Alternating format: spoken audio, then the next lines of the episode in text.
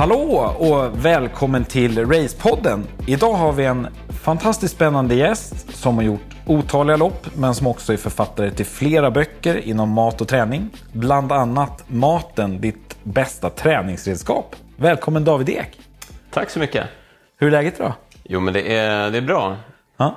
Eh, Det är som för alla andra lite upp och ner med många saker här nu och ungarna precis slutat skolan och, och sådär. Så att det, det, det är lite eh, jonglering av, eh, av vardagen men, eh, men det är bra på det stora hela.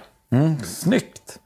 Du, du kanske är, jag tänkte vi börjar där, du kanske är okänd för ganska många. Ja. Eh, så berätta gärna hisspitchen. Vem är David Ek?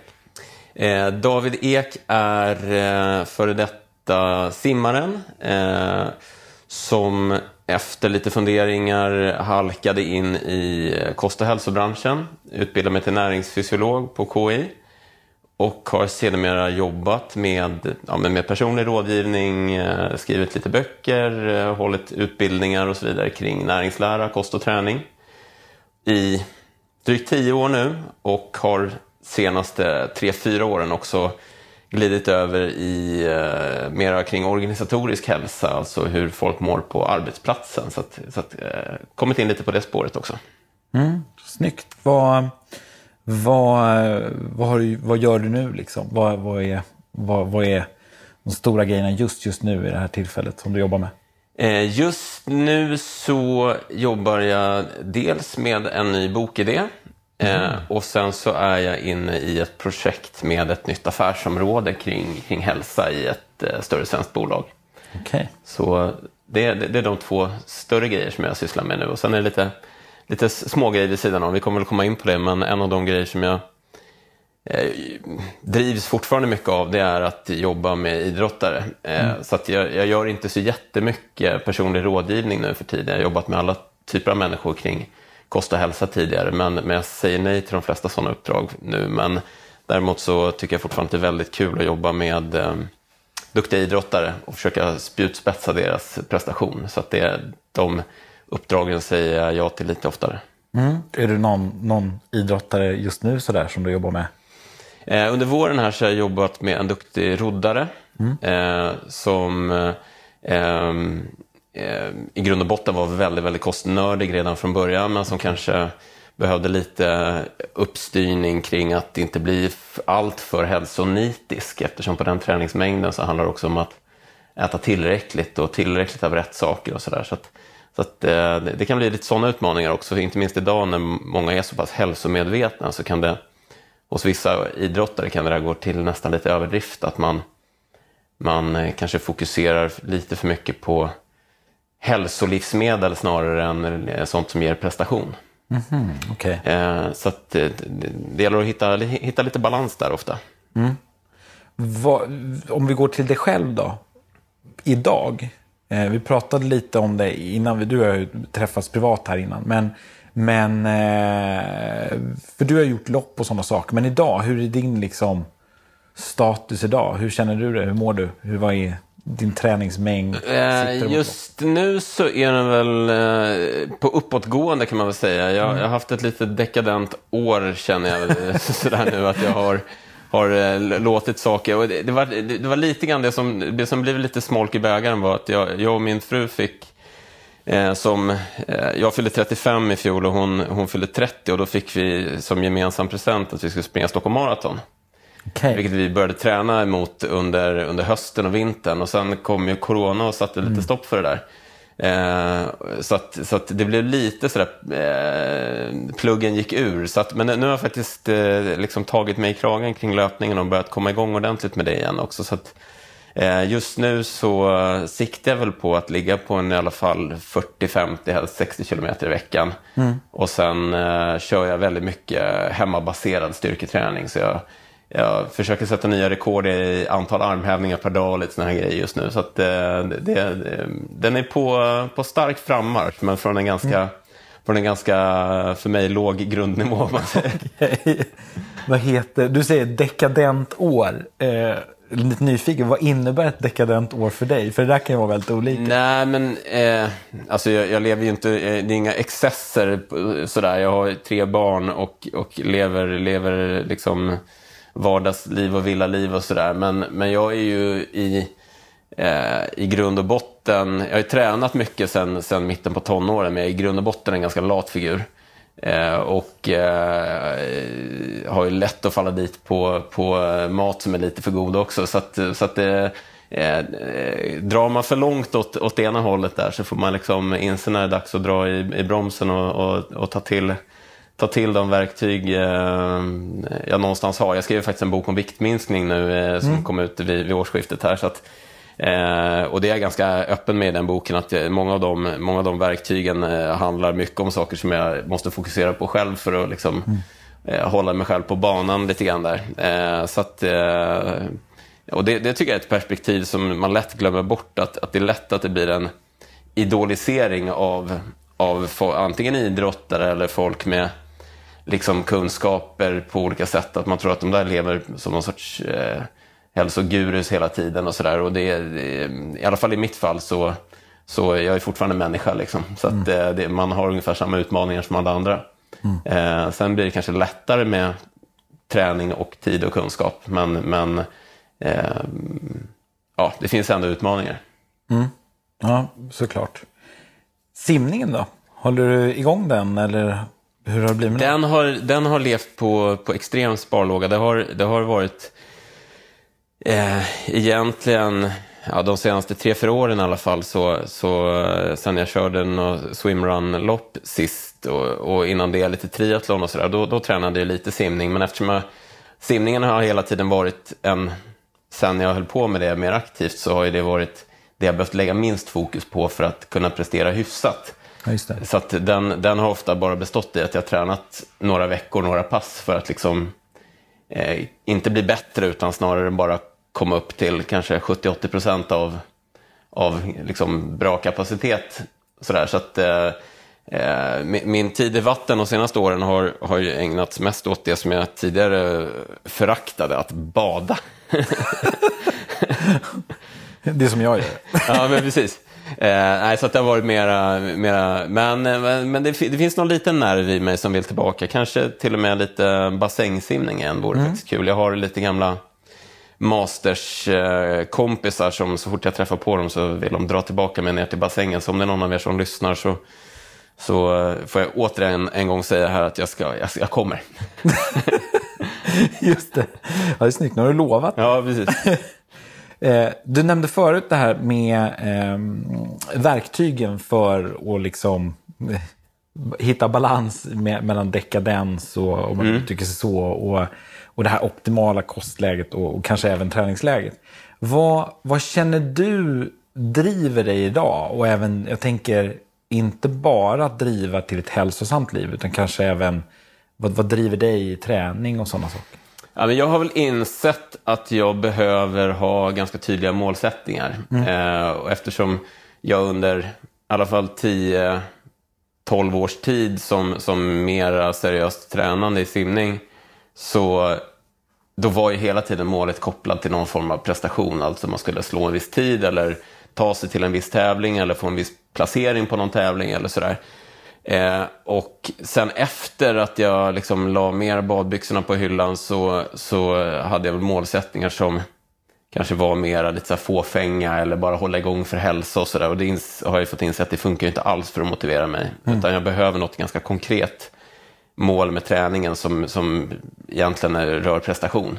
Och då kommer ofta de andra sakerna lite på köpet. Att, att eh, man blir ja, men nöjd med hur kroppen känns och ser ut och, och sådär. Men, men det, det, som drivkraft funkar inte alls för mig. Utan eh, drivkraften måste nästan vara något, någonting lite prestationsbaserat. Jag ska, och det kan vara ganska enkelt. Det kan vara att jag ska klara att göra 100 armhävningar på raken. Eh, eller springa en viss distans utan att stanna. Eller Eh, på en viss tid eller sådär. Eh, men eh, då min träning blir som absolut bäst ju när jag har något lopp som mm. jag ska träna inför. Gärna något som är lite sådär, som först när jag körde nere i Kalmar första gången eh, Ironman så eh, var inte ens säker på om jag skulle ta mig runt. Mm. Och det var en ganska bra drivkraft därför att eh, just den osäkerheten, den, den, eh, den eh, av någon anledning drivs jag av. Så att, eh, eh, det är väl det som är den viktiga, mo, viktigaste moroten för mig, att, att hålla, hålla träningen igång. Att, att ha något sådär, näst, gärna lite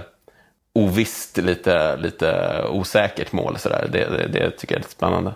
Mm. Berätta, hur tacklade du den utmaningen med till exempel Kalmar? Hur, hur liksom, balansen där, det här är väldigt intressant. För jag kan tänka mig att vi har en del lyssnare som kanske inte har gjort en Ironman-distans, men kanske har gjort eh, kortare lopp. Eh, eller kortare distans, eller vad det nu än kan vara. Just den osäkerheten, eh, vad var din upplevelse av när du genomförde loppet kontra din träning? Liksom? Hur, hur, hade du tränat för mycket, för lite? Hade du hittat rätt Nej, balans? för mycket kan man nog inte, kan man nog inte träna inför, inför eh, någonting egentligen. Tror jag. Men, men eh, sen kan man ju överträna sig om man tränar alldeles för mycket på kort tid. Men, men eh, eh, jag tror att, alltså i, det fallet så var det, det var ju både den längsta cykelsträckan och den längsta löpsträckan jag någonsin hade gjort när jag gjorde loppet. Så jag hade inte sprungit något maraton innan eller så heller. Eh, så att jag visste ju inte riktigt vad jag hade att vänta mig. Eh, och första gången så så resulterade det i att, att det vart lite krämpor på lite o, o, ovana ställen och, mm. och, och sådär.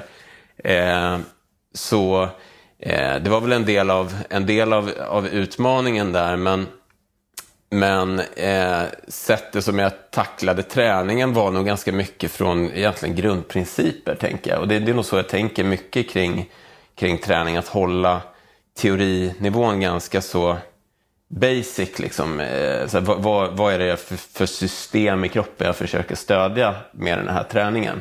Eh, och ska man, eh, när det är mer sånt lång uthållighet, liksom vi pratar en tio timmar uppåt, liksom, då, då eh, är det ju mycket att hålla på länge.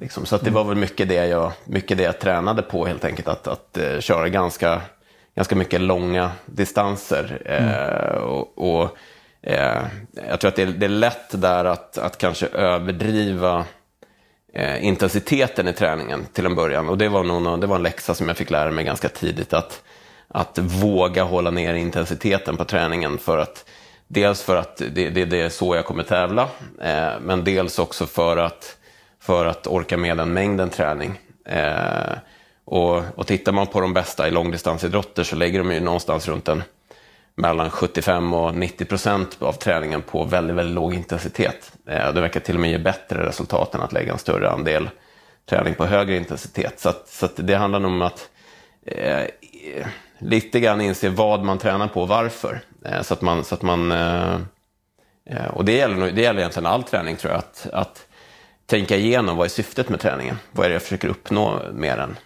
Och att, att, för att annars är det lätt att man blir besviken av fel anledningar. Att man har man tror att man har tränat på en viss sak och sen så blir man miss, missnöjd för att man inte får de resultat man har fått. Men ofta kan det bero på att man inte har tränat på det som man tror att man har tränat på. Mm. Så, att, så lite sådana sådär, eh, bekräftande lärdomar tror jag att jag, jag gjorde under den. Jag vet inte om det var riktigt svar på frågan. Men... Jo, absolut. Ja.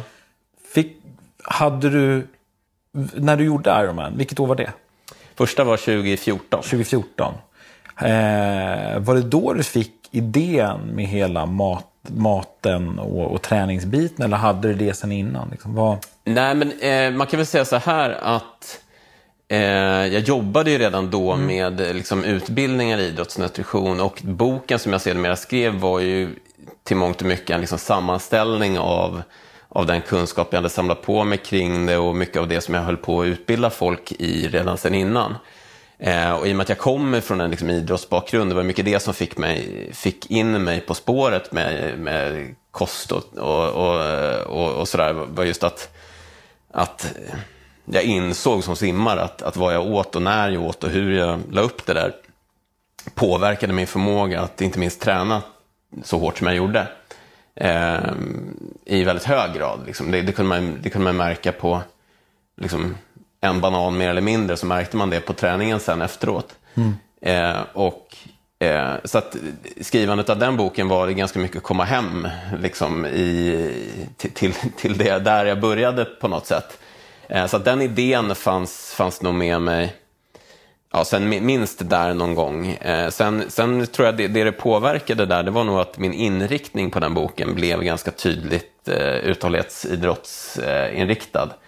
Eh, jag har, har ju med lite kring styrketräning och vad man kan tänka på med kost och, och, och liksom kombinationen kost och träning där också, men den är ganska tydligt tydligt fokus på så att säga, tävlingsidrott i form av, av, av lopp och sånt. Eh, så att, och, så att det, den nyansen fick den ganska tydligt mm. eh, efter att jag gjorde de där loppen. Då. Mm. Ja, precis, för det var nämligen min följdfråga. Hur mycket av liksom, din egna upplevelse, vi, vi pratade om det eh, lite tidigare, innan, att du var ute på ute och körde ett swimrun där inför den här boken också.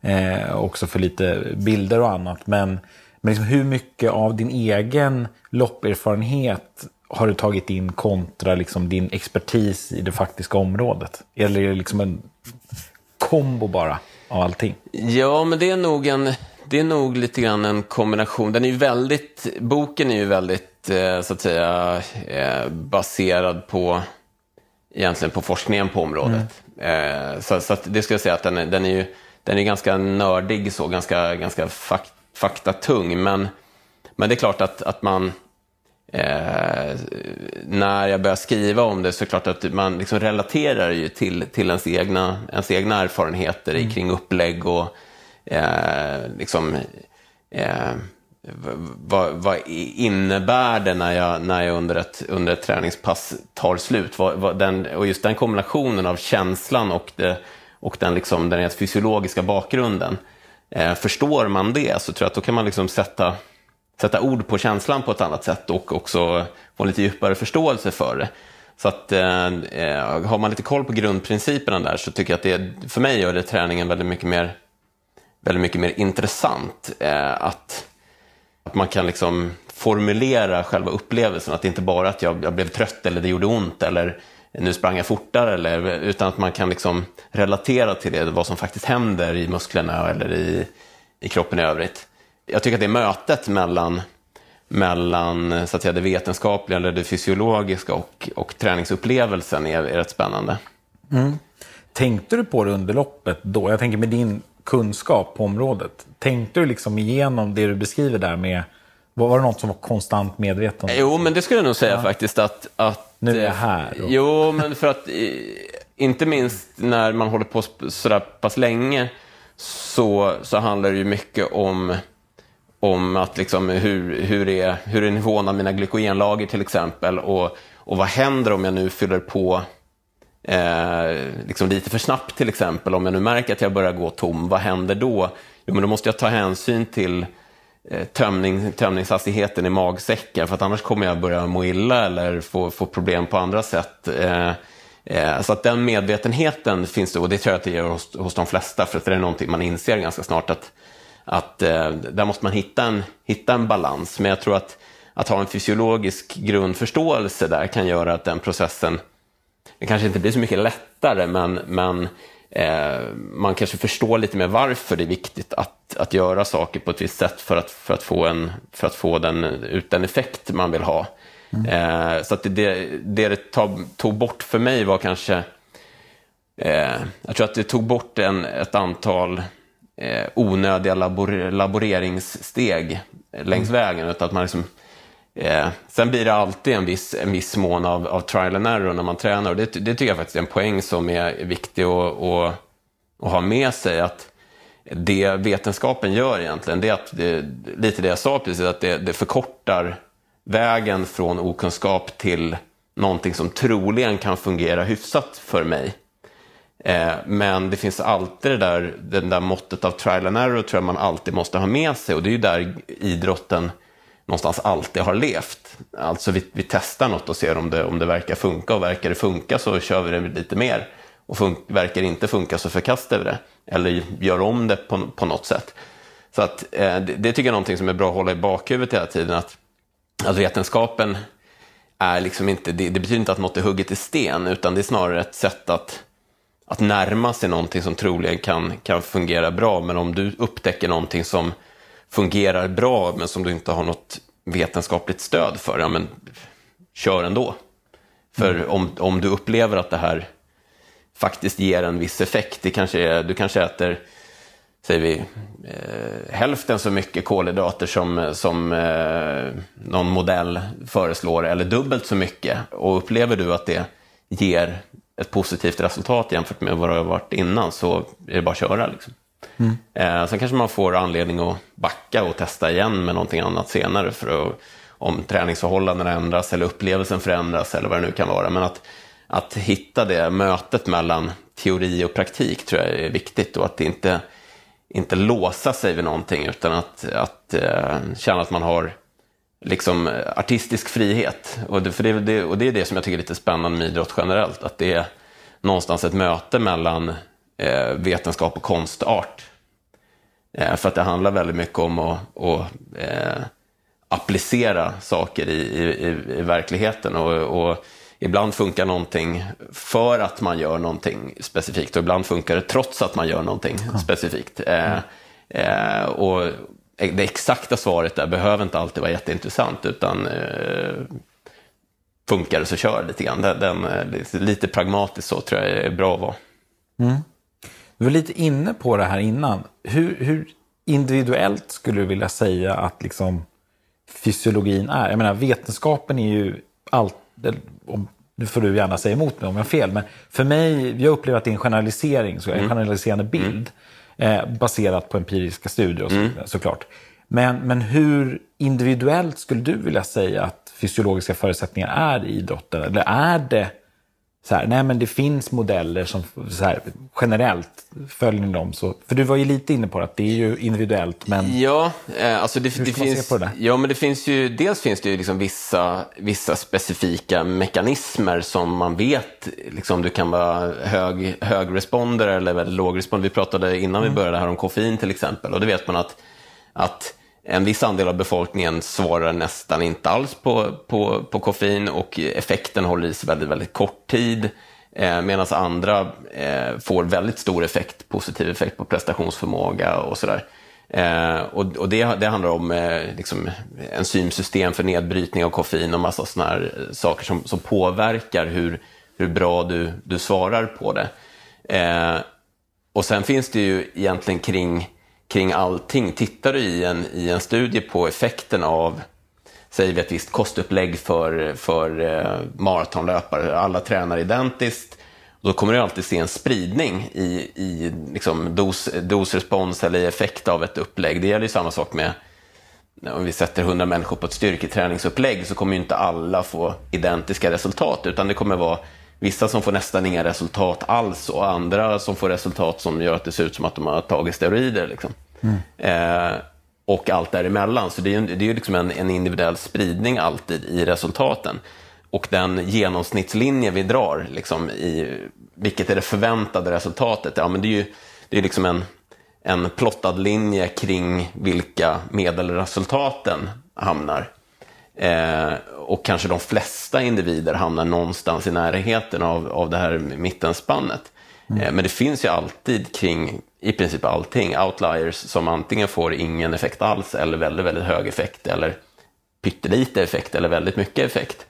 Så att den, det måste man alltid ha, ha, ha med sig, att, att det kan finnas individuella olikheter. Eh, ofta, så är det ju, ofta är det ju en, en effekt av av dosrespons. Att för vissa så krävs det helt enkelt högre dos av vad det nu är för att du ska få en, en önskvärd effekt. Om det, nu, om det, det kan gälla koffein men det kan också gälla mm. träningsmängd eller eh, belastning i träningen eller, eller vad det nu kan vara. Tittar vi på en fråga som har varit ganska ganska vilt debatterad de, de senaste åren så, så är det här med med för uthållighetsidrottare, med mycket kolhydrater, lite kolhydrater och sådär. Mm. Och där ser man ju också att det finns ganska stor variation i, i befolkningen. Vissa som, framförallt de som håller på med, med riktig ultraidrott, som kan, som kan klara det på väldigt, väldigt lite kolhydrater. Eh, Medan andra, andra eh, gör det lika bra eller bättre med, med jättestora mängder kolhydrater. Så det, och det är lite där är det nog också ett möte mellan, mellan eh, fysiologi och tycke och smak som är, som är inte oviktigt heller. Mm.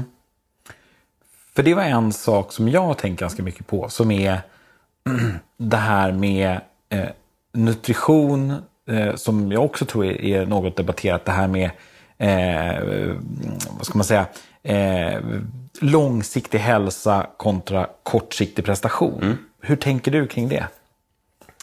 Ja, där kan det bli ganska intressant, som du säger, kan det bli ganska intressanta diskussioner där. Till exempel om man, om man, eh, om man diskuterar ja, men som sportdryck under ett, under ett långdistanslopp till exempel. Mm. Det tar man ju inte för att, för att det ska vara hälsosamt. Nej, eller för att eh, det är du gott springer, troligen, du springer troligen inte ett maraton för att uppnå bättre hälsa heller sannolikt, utan du gör det för att du antingen antar utmaningen eller vill prestera bättre än vad du gjort innan eller du vill placera dig i loppet eller du vill vinna loppet eller du vill slå ett världsrekord. Det har ju ofta andra, andra ingångsvärden än, än hälsa. Mm. Eh, så jag tycker den intressanta frågeställningen där det är ju eh, hälsosamt eller inte. Ja, men är hälsa målet? I, i ett liksom, lite större perspektiv så är det klart att det är viktigt att vara hälsosam. Men, men i en given situation så kan man liksom, får man lite grann avgöra, är eh, långsiktig hälsa målsättningen här och nu eller är det någonting annat? Är prestation huvudmålet eller kanske det enda målet för tillfället? Ja, då, då, då kanske konsumtionsmönster som om man skulle applicera det på livet i stort kanske inte skulle vara så bra. Eh, kanske man kommer undan med där eller till och med man skulle till och med kunna dra det så långt som att säga att springer du ett maratonlopp och, ditt, och dina, dina leverglykogennivåer börjar sjunka och ditt, ditt muskelglykogen redan är lågt, du börjar få effekter på blodsockret. Det är ju ett läge som inte är speciellt hälsosamt. Alltså att eh, vara på väg att, att eh, snart svimma av, av av lågt blodsocker, vilket vissa uthållighetsidrottare, eller uthållighetsidrottare faktiskt kan driva sig själva till. Det kräver ganska mycket pannben och, och resolution liksom att klara det. Men där och då är ju faktiskt det hälsosammaste du kan göra är ju att göra någonting som ökar ditt blodsocker. Mm. Och gärna ganska snabbt. Så att där skulle man till och med kunna hävda att, att, eh, att en sockerlösning faktiskt är hälsosam. Eftersom det, det, det gynnar din fysiska status för tillfället. Det, det ökar din, din eh, livskraft, eller vad vi nu ska kalla det för tillfället. Eh, sen, kan, sen är inte det samma sak som att det är bra att dricka Coca-Cola i soffan varje, varje eftermiddag. För då är det ett helt annat fysiologiskt läge. Så det är liksom ena sidan av myntet, tänker jag, att, att liksom titta på vilken situation är det här. Men sen så även den som är, är maratonlöpare på, på världsnivå är ju inte det 24 timmar om dygnet. Alltså man springer inte 24 timmar om dygnet utan man är även hemma i soffan under, under vissa tider på dygnet. Och där gäller det ju att, att bygga grunden för en god hälsa långsiktigt så att man undviker att bli sjuk och man kanske får lite lättare att reparera skador och man bygger upp de muskler man har slitit ner under träningen och man återhämtar sig från träningen och så vidare. Så att, att ha en hälsosam eh, kostföring eller livsstil som helhet i grunden blir ju, är ju fortfarande väldigt viktigt. Och, och där kan man ju säga att träning, i alla fall träning på riktigt hög nivå, är ju inte kanske så essensen av hälsa som många kanske tänker sig. Utan där handlar ju kosten mycket om att motverka de negativa effekter som träningen kan ha på hälsan. Så att man liksom återställer den balans som, som, är, som är tänkt att, att ha. Eh, och och det, jag, kan, jag kan ibland där känna att, att det finns någon sorts, i alla fall i hälsosvängen, eh, lite grann en, en eh, ja, men ett lite, ibland lite överdrivet, tolka mig rätt nu, men lite överdrivet hälsofokus som att det är det enda som spelar roll i, i, i livet. Att den som, den som eh, har bäst blodsocker när han dör vinner på något sätt. Och, och det kanske inte är målet för alla. Eh, utan man kanske har målet att, att eh, prestera spektakulärt i kommande tio åren, eh, mm. eller vad det nu kan vara. Eh, det, det, är lite, det finns ett finns ett spann där som man kan liksom fundera över. Var, var, var befinner jag mig i det spannet? Men, men det är klart att hälsan är viktig. Eh, och liksom, eat your vegetables även till, till idrottarna på, på hög nivå. Men, men, eh, så att man, jag tänker så att man inte går vilse i, i ens hälsosträvan heller. Liksom, eh, mm. Vilket jag har sett många, många idrottare på hög nivå också göra. Och, mm. och ofta vill, vill motionären efterapa det här den högpresterande individens sätt att, att göra saker. Eh, ibland kanske på sätt som inte är helt produktiva, men, men eh, eh, att navigera i det tror jag är, är, är bra. Det där är en intressant eh, aspekt, det här med, med elit och egentligen förebilder. Det gäller ju väldigt mycket både i träningsmängd och i, i nutrition och sådana saker.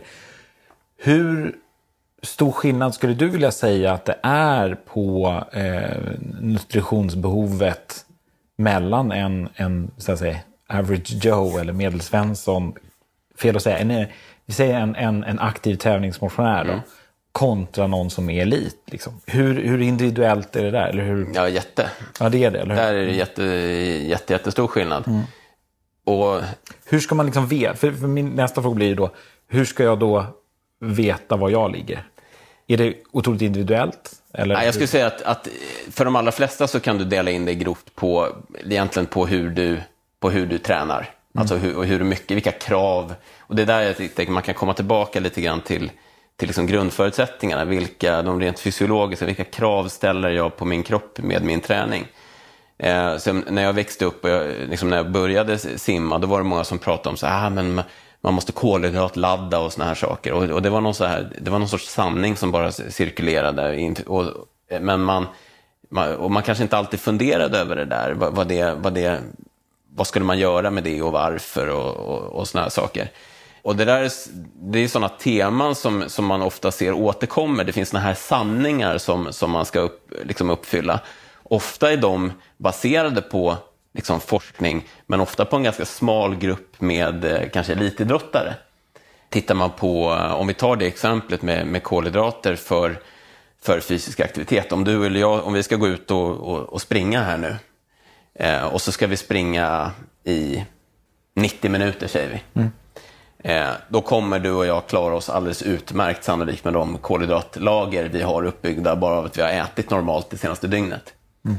Skulle vi äta mer kolhydrater innan här eller mindre timmarna innan eller dagen innan skulle sannolikt inte göra någon jättestor skillnad på vår prestationsförmåga under de här 60-90 minuterna som vi är ute och springer.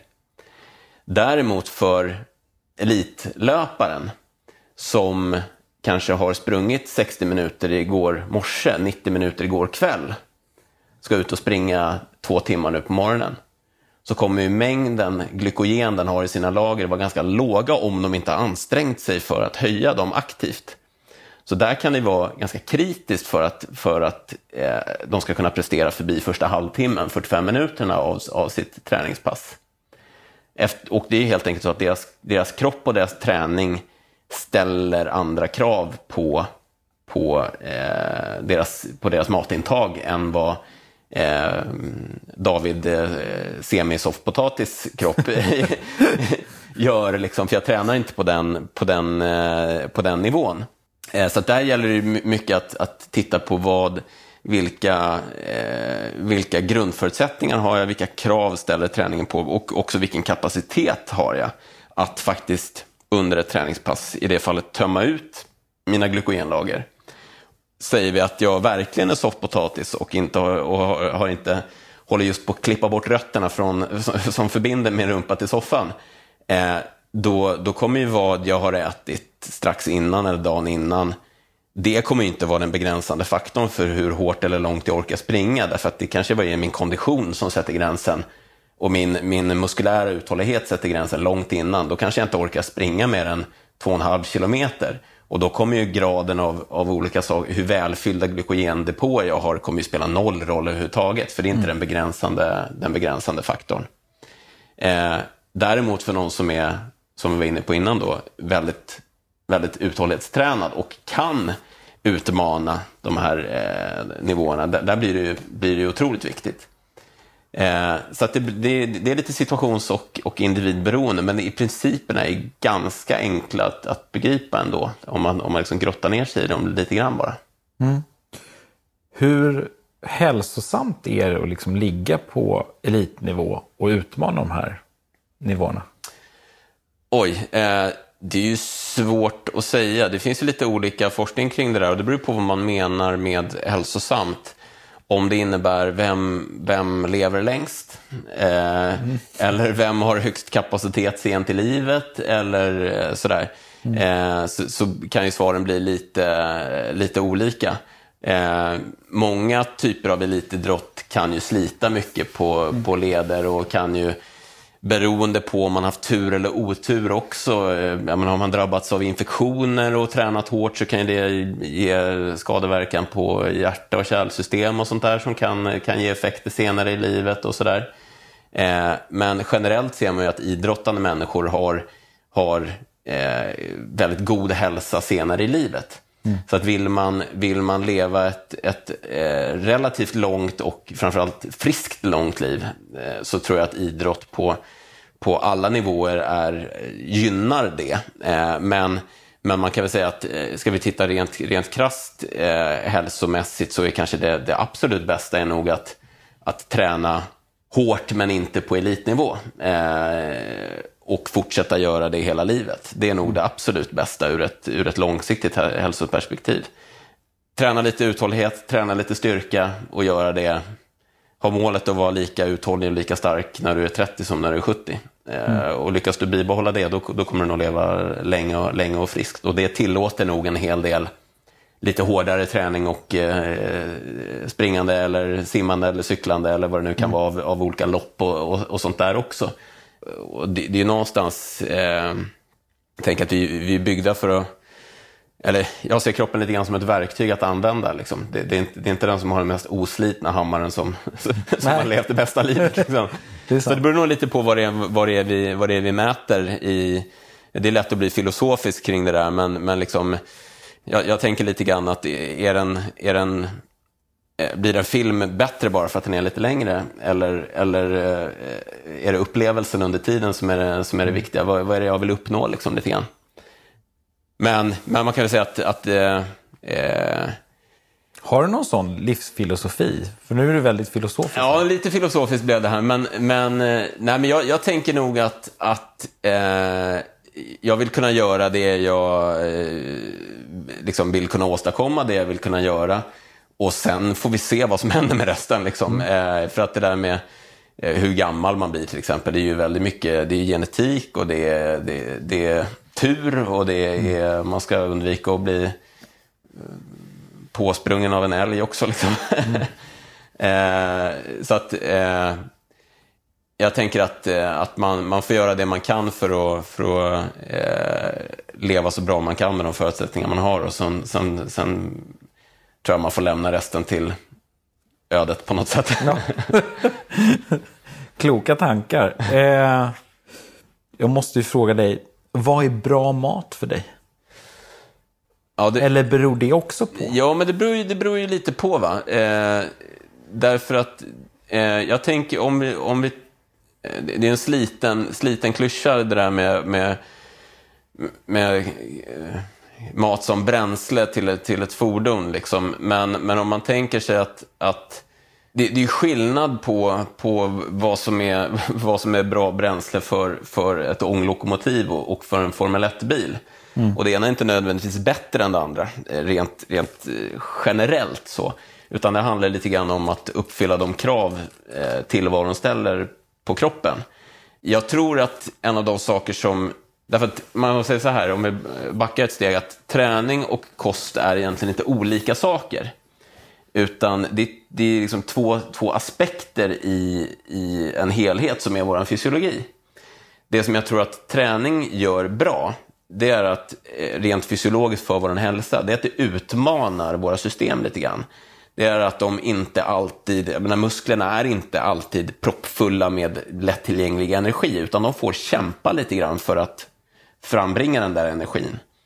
Eh, och det är lite grann samma sak med, med liksom, eh, mönstret så som, vi, så som vi äter. Att, eh, ett av de problemen med den livsstil som många lever idag, det är ju att, att kroppen aldrig utmanas på något sätt. Den har alltid lite för bra tillgång på energi och systemet utmanas aldrig i att liksom tvingas framställa den där energin på egen hand. Typ från våra fettlager eller eh, att eh, leverns glykogenlager börjar tömmas för, därför att vi ser till att blodsockret är högt hela tiden genom att bara äta mer hela tiden. Eh, och där tror jag att beroende på vilka krav du ställer på kroppen i form av, av träning eh, relativt din, din livsstil i övrigt och kosten så kan svaret på vad som är bra mat och inte bra mat skilja sig åt lite grann. är du, är du ganska stillasittande, ja, men då kanske du får hitta sätt att utmana kroppen genom att äta lite mer sparsamt kanske med vissa saker. För att, för att den ska liksom få jobba lite grann för att, för att kunna liksom, eh, uppfylla, uppfylla kroppens eh, krav liksom på, på, på energi och så vidare. Eh, där tror jag, alltså det har kommit en del forskning kring det här med, med eh, fastefönster och sådana här saker mm. på senare år som är ganska intressant. Och det tror jag framförallt är det applicerbart för de som kanske inte tränar jättehårt. Mm. Man kan fundera över det som en strategi för, vi kan komma till det också kanske, med, med just för uthållighetsidrottare att kunna eh, beröva kroppen på lättillgänglig energi under vissa timmar på dygnet för att för att driva igång system som har med, med mitokondrietillväxt och sådana här saker att göra. Och det finns en del spännande forskning kring det som visar att det kan, kan kanske ge en liten ytterligare edge i, i träningen om man gör det på ett smart sätt. I, antingen hur man äter eller hur man kombinerar kost och träning. Men ska man bli lite mer praktisk så kan man väl säga att, att min grundfilosofi kring, kring bra mat, det är egentligen den ganska enkla, enkla, fråga, eller det enkla påståendet att egentligen ju mindre processat livsmedlen du stoppar i det är, desto bättre är det generellt. Eh, så att vill man bygga upp en bra grundkost så är det ganska bra att du köper hem mat i eller nära sin naturliga grundform. Eh, och det visar egentligen all forskning kring näringslära att det, det är i princip det som väver samman medelhavskost med nordisk kost, med kosten i de här blå zonerna, med eh, olika ursprungsfolk runt om i världen att i princip allt de äter är mat eh, plockat direkt från trädet, fiskat direkt ur havet, tillrätt ganska enkelt, inte mjölmat friterad i, i oljor och doppat i socker, liksom, utan det är frukter, nötter, bär, eh, rotfrukter, grönsaker och så vidare. Eh, det är ju liksom receptet på en bra grundkost. Eh, men tränar man väldigt mycket, vilket väl många av, av dina lyssnare säkert gör, då kanske man får tumma lite grann på det där. Därför att det kan bli utmanande att, att träna tre timmar om dagen och samtidigt bara äta liksom, eh, råa rotfrukter och, eh, och, och eh, Eh, kassavarötter och, och, och, och vad det nu kan vara.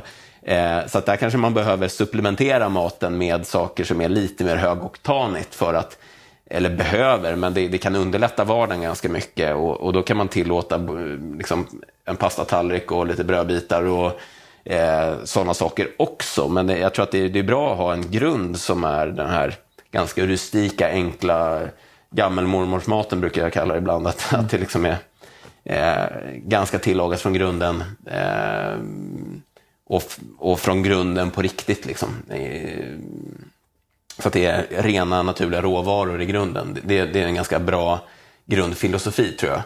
Eh, och för de allra flesta så eh, kan man nog byta ganska många pastatallrikar mot, mot eh, liksom, eh, kokta rotfrukter eh, utan att det kommer påverka träningen negativt heller. Mm. Det är ju först när man kommer upp på, i, i, min, i min eh, bok här, Maten, så, så delar jag in idrottare i tre nivåer.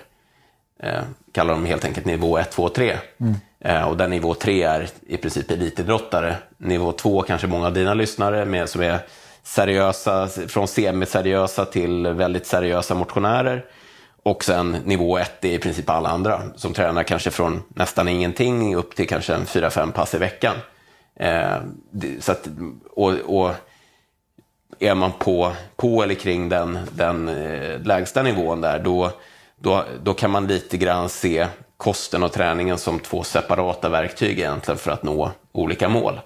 Eh, och då, då, då kan man nog tänka maten som ett sätt att uppnå allmän hälsa och god fysisk form snarare än att det aktivt ska gynna träningsresultaten. Därför att eh, har du i snitt mellan 24 och 48 timmar till återhämtning mellan dina träningspass och du inte aktivt berövar dig några eh, näringsämnen, då kommer du sannolikt få i dig det du behöver för att kunna träna ganska hårt ändå mm. under de träningspassen. Så det är ofta när man går därutöver som man kan börja behöva tumma så att säga på, på nyttigheten i maten och det kan vara viktigt att faktiskt göra det. Att inte, att inte tro att allt behöver vara eh, liksom eh, ja, men, eh, råris och, och, och morötter liksom, och blomkål, utan du kanske behöver faktiskt styra upp det där med, med, med lite mer högkoncentrerad energi. Eh, under vissa träningspass som är långa och hårda kanske, kanske du vinner på att faktiskt eh, ta med en sportdryck ut eller någon, någon annan form av energi. Så att du kan underhålla hög kapacitet under de här träningspassen. Eh, och där kan man ju laborera lite grann med beroende på vilken typ av träningspass det är man driver. Om det ska vara, är det högkvalitativ fartdistans till exempel, så ställer det helt andra krav på, på kosten än vad ett eh, lågintensivt långpass gör till exempel. Det kommer säkert komma frågor om det. Ja, kanske. Vi får se. Du får gärna elaborera där, där, du, där du kan. Det är ju många stjärnor nu som går ut och säger, kanske framförallt inom simning, som mm. har gått över på vegansk kost. Mm. Eh, hur, hur, vad är dina tankar där? Ja, det, det, är, ju, eh, det är flera. Eh, Sara Sjöström mm. gick ut med det här för ett, ett tag sedan och det har blivit lite grann av en hype kring det på senare, senare tid. Och det är ju en generell samhällstrend. Ja, absolut. Jag tänkte... Och jag har, jag har egentligen ingenting, ingenting negativt att säga om det. Jag tror att en positiv eh, bieffekt av det för många idrottare på hög nivå, det är att de börjar äta mycket mer kolhydrater. Och det är många som har legat ganska lågt där i förhållande till kraven som eh, idrotten faktiskt ställer på dem. Vilket gör att när de, när de växlar över till veganskt och det kanske blir i högre grad eh, när så att säga, om vi ska över, överförenkla det lite grann, när, när kycklingfilén byts, byts mot, eh, mot bönor. Så ja, du får i dig en del protein, men du får också i dig ganska mycket mer kolhydrater den vägen. Och för många så är det skiftet positivt. Eh, därför att tränar vi på Tittar man på de generella rekommendationerna för de som tränar på, om vi tar Sara Sjöströms nivå, där det kanske handlar om en Eh, ja, eh, 25-30 timmar träning i veckan, ja, då snackar vi kanske en mellan, grovt mellan 8 och 10-12 gram kolhydrater per kilo kroppsvikt och dag. Och då kan man räkna baklänges, om vi tänker oss att hon, nu vet jag inte vad hon väger, men säg att hon väger 70 kilo kanske. Och så tänker vi oss då 10 gram kolhydrater per kilo kroppsvikt, det är 700 gram kolhydrater per dag. Och så ska du översätta det till mat så pratar vi om ett par kilo ganska, ganska eh, koncentrerade kolhydratkällor. Alltså typ pasta och ris och bönor och så vidare.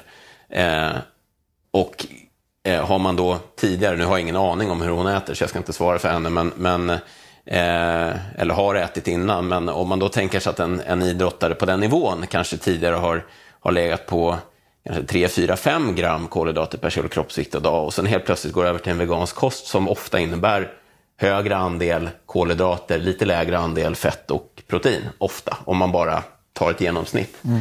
Eh, då kommer ju du vandra uppåt mot närmare de här mer optimala siffrorna i kolhydratintag, vilket i de flesta idrotter, framförallt i en sån hög, högintensiv, explosiv idrott som simning, där, som egentligen är, framförallt för de sträckor som, som en sån som Sjöström tränar, så är det ju eh, i vattnet i alla fall så är det ju 90 tuff intervallträning. Mm. Det är ju det man sysslar med.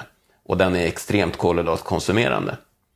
Eh, så att eh, eh jag skulle säga att, att det, det skiftet blir för en sån idrottare per automatik nästan positivt, för många i alla fall, om man inte har varit väldigt medveten innan i hur man, i hur man lägger upp sin kost.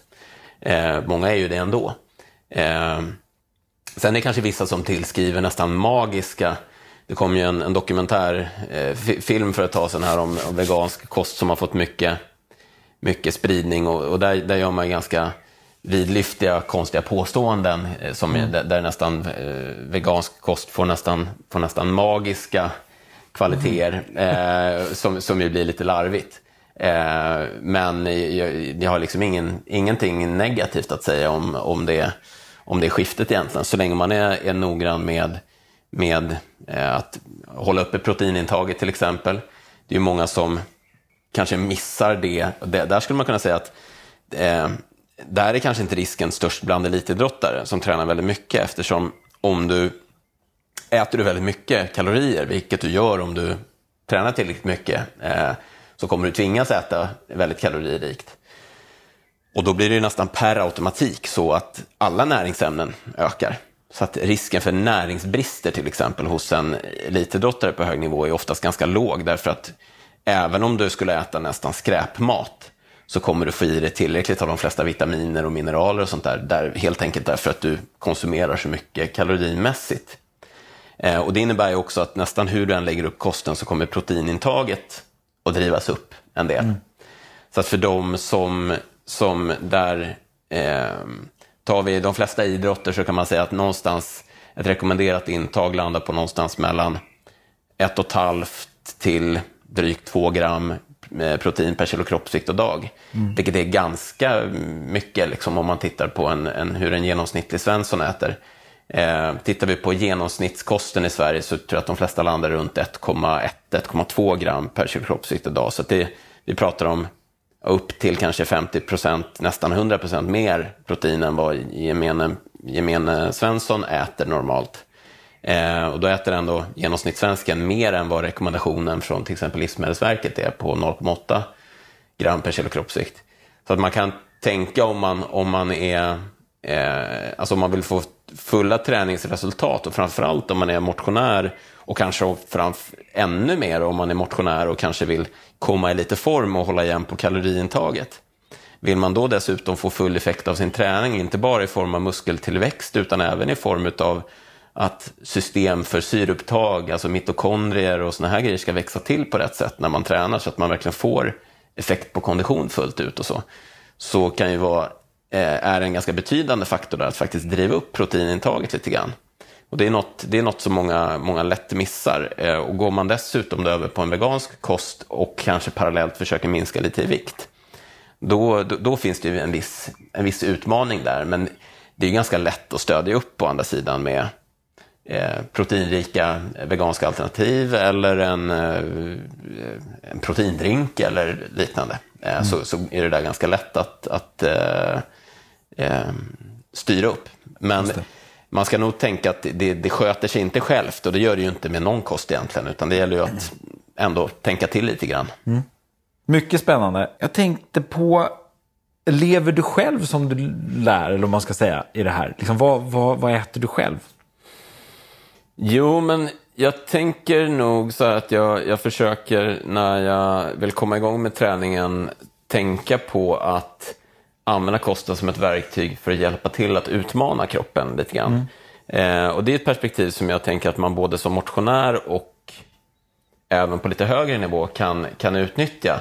Dels använda, det är lite, lite man kan säga tre perspektiv kan man säga på, på kost och träning som jag tänker man kan ta med sig. Och det är ett, att ladda upp inför träning. Alltså att jag ser till att kroppen har bästa förutsättningarna för att kunna träna så hårt som möjligt. Vilket kan vara viktigt under framförallt riktigt högkvalitativa pass där jag verkligen vill kunna kräma ur allt jag har. Eh, perspektiv nummer två är återhämtning och uppbyggnad efter träningen. Att jag liksom återställer grundstatusen eh, så bra som möjligt så att jag ska kunna träna hårt igen snart. Och där tangerar ju ofta återhämtning och uppladdning tangerar ju varandra. Ofta, för den som tränar riktigt mycket är de ju ofta samma sak. Liksom. Mm.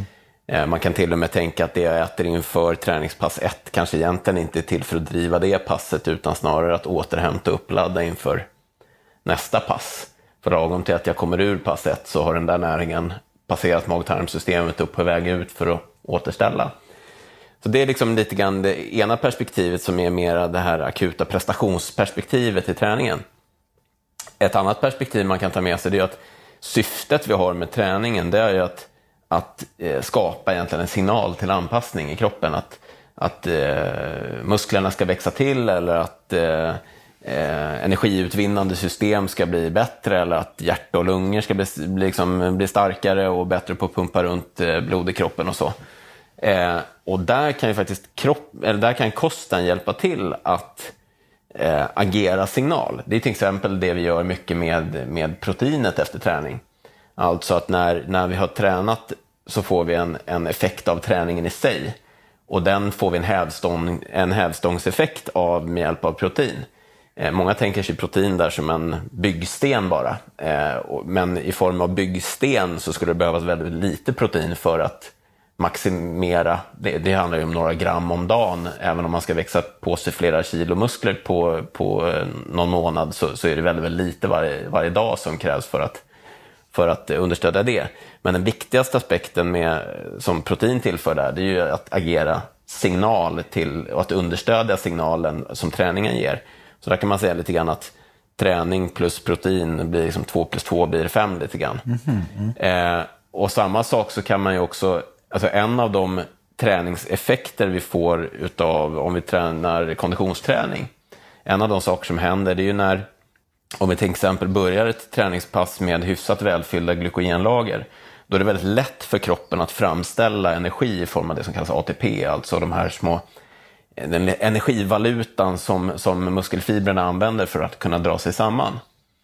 Eh, när, när den här ATP bryts ner så omvandlas det till något som kallas ADP. Och det innebär att mycket, finns det mycket ATP tillgängligt och lite ADP, då innebär det att vi har muskeln är i ett väldigt hög energistat, en väldigt hög energistatus. Den är så att säga utvilad kan vi säga, eller redo okay. för action. Mm. Medan om det finns mycket nedbruten ATP och därmed mycket ADP, mm. då blir det en signal till att muskeln är lite tom på, på tillgänglig energi. Eh, och det blir en signal till, till att här måste vi öka ATP-framställandet. Och i förlängningen blir det också en signal till att här måste vi öka kapaciteten till ATP-framställning. Och då börjar de här energifabrikerna i, i musklerna, alltså mitokondrierna, de får signal att de ska växa till och de enzymsystem som är till för att eh, liksom bryta ner fett och kolhydrater till ATP, de börjar växa till och bli, bli, bli starkare. Så det är en av de effekter som träningen ger. Och där har vi ju med kosten möjligheten att också förstärka den signalen lite grann. Eh, genom att helt enkelt beröva, bli bättre på att beröva muskeln på energi inför vissa träningspass. Så där kan man till exempel laborera med att de träningspass där inte fokus är maximal prestation, som under kanske ett fartdistanspass eller något intervallpass eller något där vi verkligen vill kunna trycka ur max, utan vi kanske kör ett långt lågintensivt pass där kravet på prestation egentligen är väldigt, väldigt låg. Och där vi egentligen skulle kunna klara oss med en ganska långsam tillgång till energi. Där skulle vi kunna lägga ett sånt pass, antingen eh, efter att vi har berövat kroppen på, på lite kolhydrater genom att inte äta kolhydrater, eller kanske ännu effektivare genom att om vi till exempel har tränat ett högintensivt pass kvällen innan och där kört slut på, på kolhydrattillgången i kroppen. Vi har ätit bra inför det passet, tränar hårt, bränner slut på mycket kolhydrater. Och sen går vi egentligen och lägger oss och sover. Utan att fylla, vi kan fylla på med fett och protein, men vi låter bli att fylla på med kolhydrater. Då kommer vi sova med låga glykogenlager och tvinga musklerna i kroppen, för de behöver fortfarande energi även när vi vilar. Framförallt efter, efter eh, träning där det kan finnas lite syreskuld till och med. Då kommer de tvingas jobba med, med eh, låg tillgång på lättillgänglig energi. Alltså det finns inte så mycket ATP tillgängligt hela tiden, utan de kommer tvingas den här lite långsammare processen med att utvinna energi ur fett. Vilket innebär att de här energisystemen som är till för att framställa energi snabbt under träning, de kommer att växa till och bli, bli snabbare. Och man kan till och med liksom spä på den effekten lite grann genom att kanske på morgonen efter gå ut och köra ett riktigt långt, riktigt lågintensivt pass i nästan prattempo. Mm. Och där har vi ändå inga, då är vi, lite, har vi, är vi liksom lite tömda på, på energi i form av kolhydrater.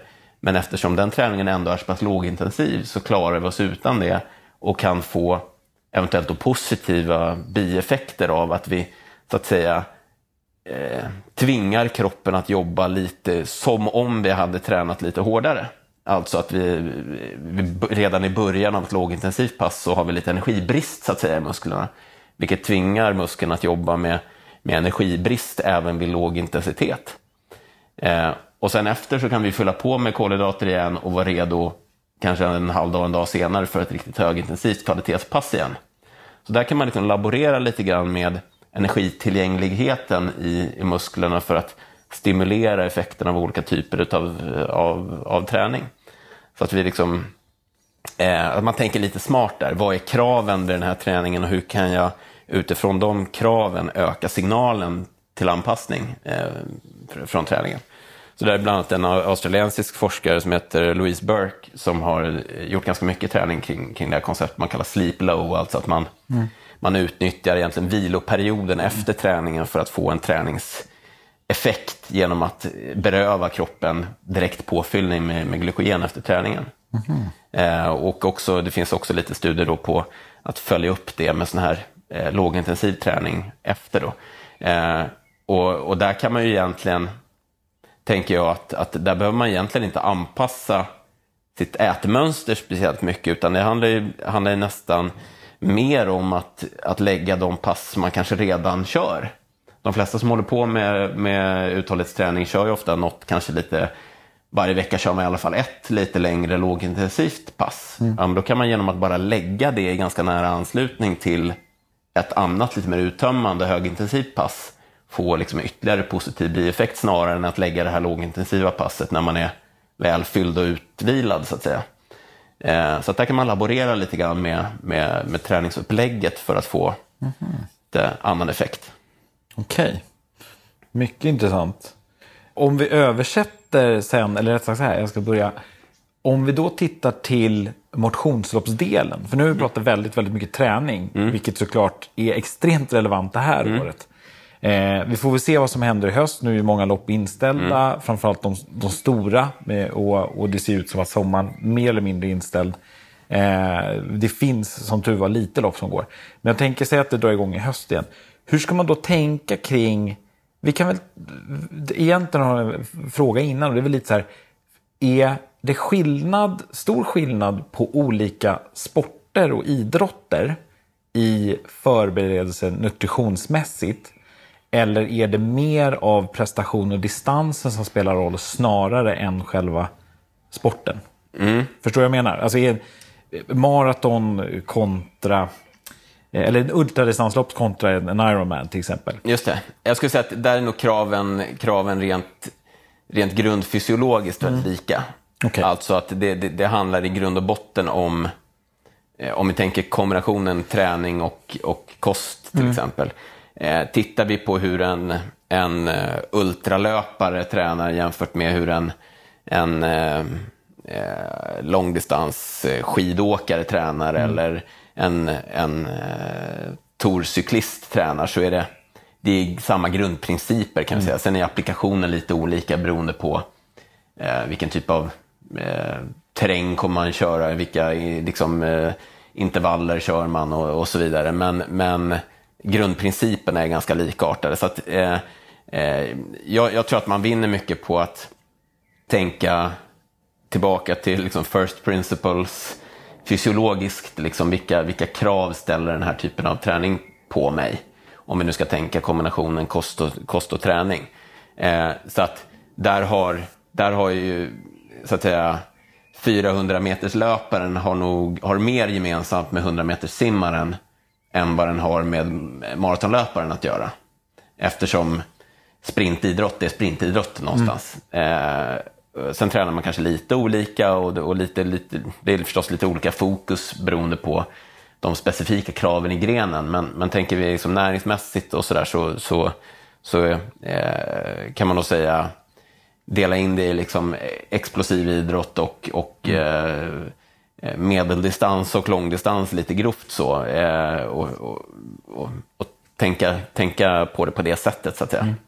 Just det. det. Det makes a lot of sense om man säger ja. så. Eh, om vi då går över på, på så här, låt, låt oss eh, vänja oss vid tanken så här, men vi ska göra ett maraton. Det går ju ändå ett gäng virtuella mm. maraton också faktiskt, vilket är, så det är ju väldigt applicerbart just nu.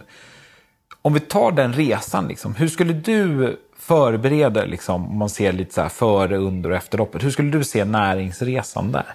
Eh, det beror lite på tidsperspektivet. Tänker mm. du nu uppladdningen för loppet eller ja. tänker du liksom grundträning eh, och under lång tid? Eh, jag tänker vi har pratat ganska mycket träning. Ja. Så jag tänker nog mer snarare inför loppet. Just det. Så, att, så att vi, ja, nu får ju du nästan avgöra när man ska börja förbereda ja, sig. Men precis. Det fin finns lite olika mm. approach där och som vi var inne på innan så kan man säga att Eh, om vi tänker oss tävlingsuppladdning så kan man lite grovt säga att om loppet är 90 minuter eller mindre så behöver du inte göra några speciella eh, liksom förändringar i kosten mot hur du brukar äta inför för träning. Ingen kolhydratuppladdning med Nej, inte, inte något specifikt. Men det är klart att man, alltså det skadar inte direkt heller. Mm. det man eventuellt skulle kunna tänka sig om du skulle göra en klassisk kolhydratuppladdning inför, inför ett milslopp till exempel och säga att du springer i alla fall snabbare än timmen. Eh, då, eh, eh, det, det, du gör då det är att du samlar på dig lite onödigt mycket kolhydrater för det du kommer behöva under det loppet. Och varje gram kolhydrater binder också ett och ett halvt, två gram vatten. Vilket innebär att om du, om du dig verkligen anstränger och, och, eh, och gör enligt konstens alla regler så kan du faktiskt nästan dubblera ditt glykogenlager i kroppen mot vad du normalt kan bygga upp genom att göra en, en klassisk kolhydrattömning och kolhydratladdning. Och då kommer du bära runt på ganska mycket extra vikt i form av kolhydrater och vatten som du inte hade behövt bära på. Det är ju lite onödigt om du ska springa eh, så fort du kan i, i, i 10 kilometer. Så att är det, men är det däremot ett maratonlopp som ju för de flesta är ja, en bra bit mer än 90 mm. minuter, eh, där finns det ju faktiskt positiva effekter av att göra det. Eh, och där eh, finns det lite olika sätt att göra det. Det klassiska sättet det har ju varit att man ungefär en vecka innan loppet så kör man ett riktigt högintensivt, eh, ganska uttömmande eh, träningspass. Eh, och sen äter man eh, nästan inga kolhydrater alls under ett eller två dygn. Och sen kör man ytterligare ett riktigt högintensivt pass igen och verkligen bränner slut på alla lager som finns. Väntar ytterligare lite, kanske tränar lite grann igen och sen så börjar man fylla på med kolhydrater under följande två, tre dagar inför loppet. Så att du liksom, två dagar innan är så välfylld som du någonsin kan vara. Och där kan du få eh, normalt kanske en, om vi tar en genomsnittlig vuxen man så kan du kanske normalt ha, alltså om du äter och tränar normalt så kanske du kan bygga upp glykogenlager på en 400 gram som mest. Eh, och med en sån här approach så kan du nästan dubblera din, din maximala kapacitet till kolhydratinlagring så att den mm. kanske närmar sig en 800 gram. Vilket innebär att du har väldigt mycket mer tillgänglig energi under det här loppet. Du kommer förvisso vara lite tyngre då i början av loppet, men i takt med att du springer så kommer du lätta också så att säga. Mm. Eh, eh, och den, den approachen har jag använt under många år med ganska stor framgång. Det kan vara ganska... Eh, det kan ställa till det lite grann med magen för många att göra en sån här stor åthäva. Eh, det kan också eh, kännas jobbigt de sista dygnen att inte få träna. Vilket ju, för att du, du vill ju inte tömma, börja tömma på de här lagren som du har byggt upp de sista dagarna, utan det blir väldigt lite träning. Eh, och, så där har man laborerat med lite andra sätt att göra det här på. Och ett annat, en annan approach som har visat sig ganska effektiv, det är att ungefär tre dagar innan loppet så kör du några upprepade eh, all-out-sprinter på sådär en, eh, 90 sekunder. Så sp du springer, går till en löparbana till exempel, springer 90 sekunder i fullt blås mm. och så upprepar du det, vilar lite och så upprepar du det en tre, fyra gånger. Och då kommer du ha bildat väldigt mycket mjölksyra och mjölksyra, är, alltså när det bildas så tömmer ju det glykogenlagren i musklerna väldigt, väldigt effektivt. Mm. Du kan inom loppet av några minuter ha, ha tömt nästan allt du har i, i, i de musklerna. Och det där blir en ganska tydlig signal till glykogenuppbyggnad efteråt. Och det verkar vara nästan lika effektivt som den här mer långsiktiga approachen. Så att då, då kör du egentligen bara ett snabbt intervallpass tre dagar innan loppet. Och sen vilar du och så att säga, äter ikapp med kolhydrater de sista dagarna inför loppet och så kan du köra eh, och ha nästan lika välfyllda glykogenlager som en klassisk kolhydrattömning följt av fyllning under en veckas tid. Så det kanske är en lite mera, även om man, om man då vill göra en klassisk fyllning så kan det vara en, en kanske ganska attraktiv modell. Ytterligare en annan som funkar ganska så bra det är att helt enkelt bara träna ganska hårt fram till en vecka innan och sen successivt minska träningsdosen och öka kolhydratintaget mm. sista, sista dagarna inför, liksom, kanske ja, för fyra, fem dagar innan. Eh, så att man är hyfsat välfylld och då, då, då, då, landar man också ganska bra, även om det kanske inte blir den här tydliga överkompensationen som det blir med de andra två uppläggen. Eh, så det kan vara ett sätt att äta inför för att liksom, eh, fylla på. Sen har det pratats en del eh, om risken, alltså samma dag, att du, att du eh, beroende på hur du äter så kan det ju få negativa effekter på, inte minst på magen. Man har också pratat om den risken för det här med det man kallar rebound hypoglykemi, alltså att om du äter snabba kolhydrater precis innan loppet så finns risken att du drabbas av lågt blodsocker precis när du ska starta loppet, vilket mm. kan bli lite jobbigt då. Och det verkar som att det finns vissa individer som är lite känsliga för det där. Men för de allra flesta... Någon, har det något med blodgrupp att göra? Mm, nej, det, det, det, är lite... Det, min gissning är att, att det, om någonting så har det nog kanske med väldigt hög insulinkänslighet att göra. Kanske att det skulle kunna påverka att få en väldigt effektiv tömning av, av, av, av blodsockret och sådär. Men, men eh, det verkar inte vara ett stort problem för de allra flesta och det finns ganska effektiva sätt att motarbeta det. Antingen genom att du att du tillåter dig själv att äta snabba eller äta kolhydrater fram till kanske 40 minuter innan loppet, men inte senare. För då kommer du liksom ha hunnit återhämta dig. Ett annat är att helt enkelt göra en ordentlig uppvärmning inför loppet, därför att då kommer du frisätta kortisol och adrenalin och de motverkar effekten av insulin, vilket gör att du inte får den här blodsockersänkningen. Ett annat är att helt enkelt fortsätta och, och peta i sig snabba kolhydrater hela vägen fram till starten på loppet, för då kommer du hålla blodsockret högt hela tiden. Men tar, tar man, eh, samma, tar man liksom samma dag så kan man säga att det bästa sättet att förbereda sig det brukar vara att försöka äta så mycket som vanligt som möjligt. Du kommer inte få någon ytterligare egentligen uppbyggnad av glykogenlager. Det du gör i sista 4-5 timmarna inför det är möjligen att se till, eh, säkerställa att glykogenlagren i levern är hyfsat välfyllda. För de kan ju börja bli kritiska mot slutet av loppet, liksom när när levern får börja kämpa med att hålla blodsockret uppe.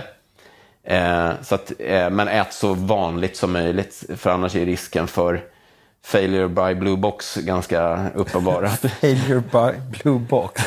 Nej, det var, det var en... en, en får du elaborera. Ja, nej, det var, en, det var en, en, känd, en känd löpare som myntade det begreppet att det är fler, fler maratonlopp har gått förlorade i de, i de blå blå lådorna uppställda längs, eh, längs maratonspåret än, i löp, än i löploppet. Och det är helt enkelt för att du får magproblem ja. så behöver du springa in i en av de här blå hytterna. Ja, ja, eh, så att ät så mycket som vanligt som möjligt sista eh, mm. dagen eller egentligen hela, hela tiden inför loppet. Att inte börja framförallt inte börja laborera med saker som du aldrig har provat innan. Mm. Så att vill man testa ett sånt här uppladdnings, tömnings och uppladdningskoncept liksom, inför tävling så kan det vara ganska, ganska bra att några månader innan ha testat det under träning. Det. Att liksom göra det en vecka då och se hur funkar det här. Mm. Alternativt att man då gör det inför något maratonlopp som man, om man nu springer många, att man, det är något man kanske inte bryr sig så mycket om. Att det här är bara ett rent träningslopp.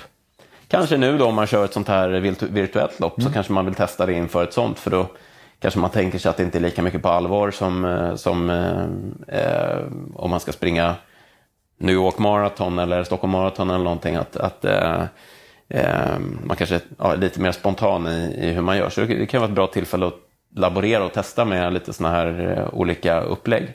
Mycket. En, en fråga där. Jag eh, de här gällorna och allt sånt där som man proppar i sig. Eh, du kanske kommer komma till det, men, men det, det kan man ju bli kass i magen. Mm. Där kan du verkligen bli failure bloodbox. Jag fick ett tips när jag skulle göra Vätternrundan om att trycka i mig lösviktsgodis innan. Mm. För att det hade samma effekt. Nu ska jag inte säga att det här mm. var inget vetenskapligt. Eh, men, men liksom att, att jag, fick, jag vande magen på samma sätt mm. som de här gällorna. Så att istället för att trycka i sig gällor en vecka innan för att liksom vänja magen mm. vid den här, vad det nu är, så kunde jag lika gärna käka sura nappa. Liksom. Ja, alltså, Stämmer det? Sammansättningen är nog inte, inte identisk, men snarlik. Sen har man ju i de här gelarna ofta även liksom lite elektrolyter och sånt mm. där som ska liksom bidra, med, bidra med lite salter och så till... till eh, men absolut, och under mina eh, Ironman-lopp så hade jag faktiskt nerpulat lite goda eh, lösviktsgodisar i, i cykelväskan mm. för att kunna Eh, inte minst för att, för att ha en eh, mental morot under vägen och kunna äta någonting som är lite gott istället för bara någon sur gel eller någon sportdryck eller någonting sånt där. Så, mm. så nu har jag klarat en fjärdedel här, nu får jag ta en eh, godisbit här till mm. exempel. Eh, så det kan absolut funka. Det, det är faktiskt, det, det, var bra att du nämnde det här med, med att vänja kroppen vid tävlingsmaten. Mm. Eh, därför att där ser man att, alltså normalt kan man säga att man kan säga lite grovt att när, nervsystemet har två, två olika lägen. Eh, man brukar prata om det sympatiska och parasympatiska nervsystemet. Där det sympatiska mer är påslaget när vi till exempel springer, när vi tränar. Eh, fight and flight brukar man ju lite, lite grovt kalla det. Alltså att eh, eh det ser till att blodflödet ökar till musklerna, att vi får frisättning av adrenalin och noradrenalin och eh, vi bryter ner glykogen som finns lagrat i lever och, och, muskler, vi börjar bryta ner fett i våra fettceller och så vidare. Medan det parasympatiska systemet mer är inkopplat när vi ska vila, återhämta oss, smälta mat och så vidare.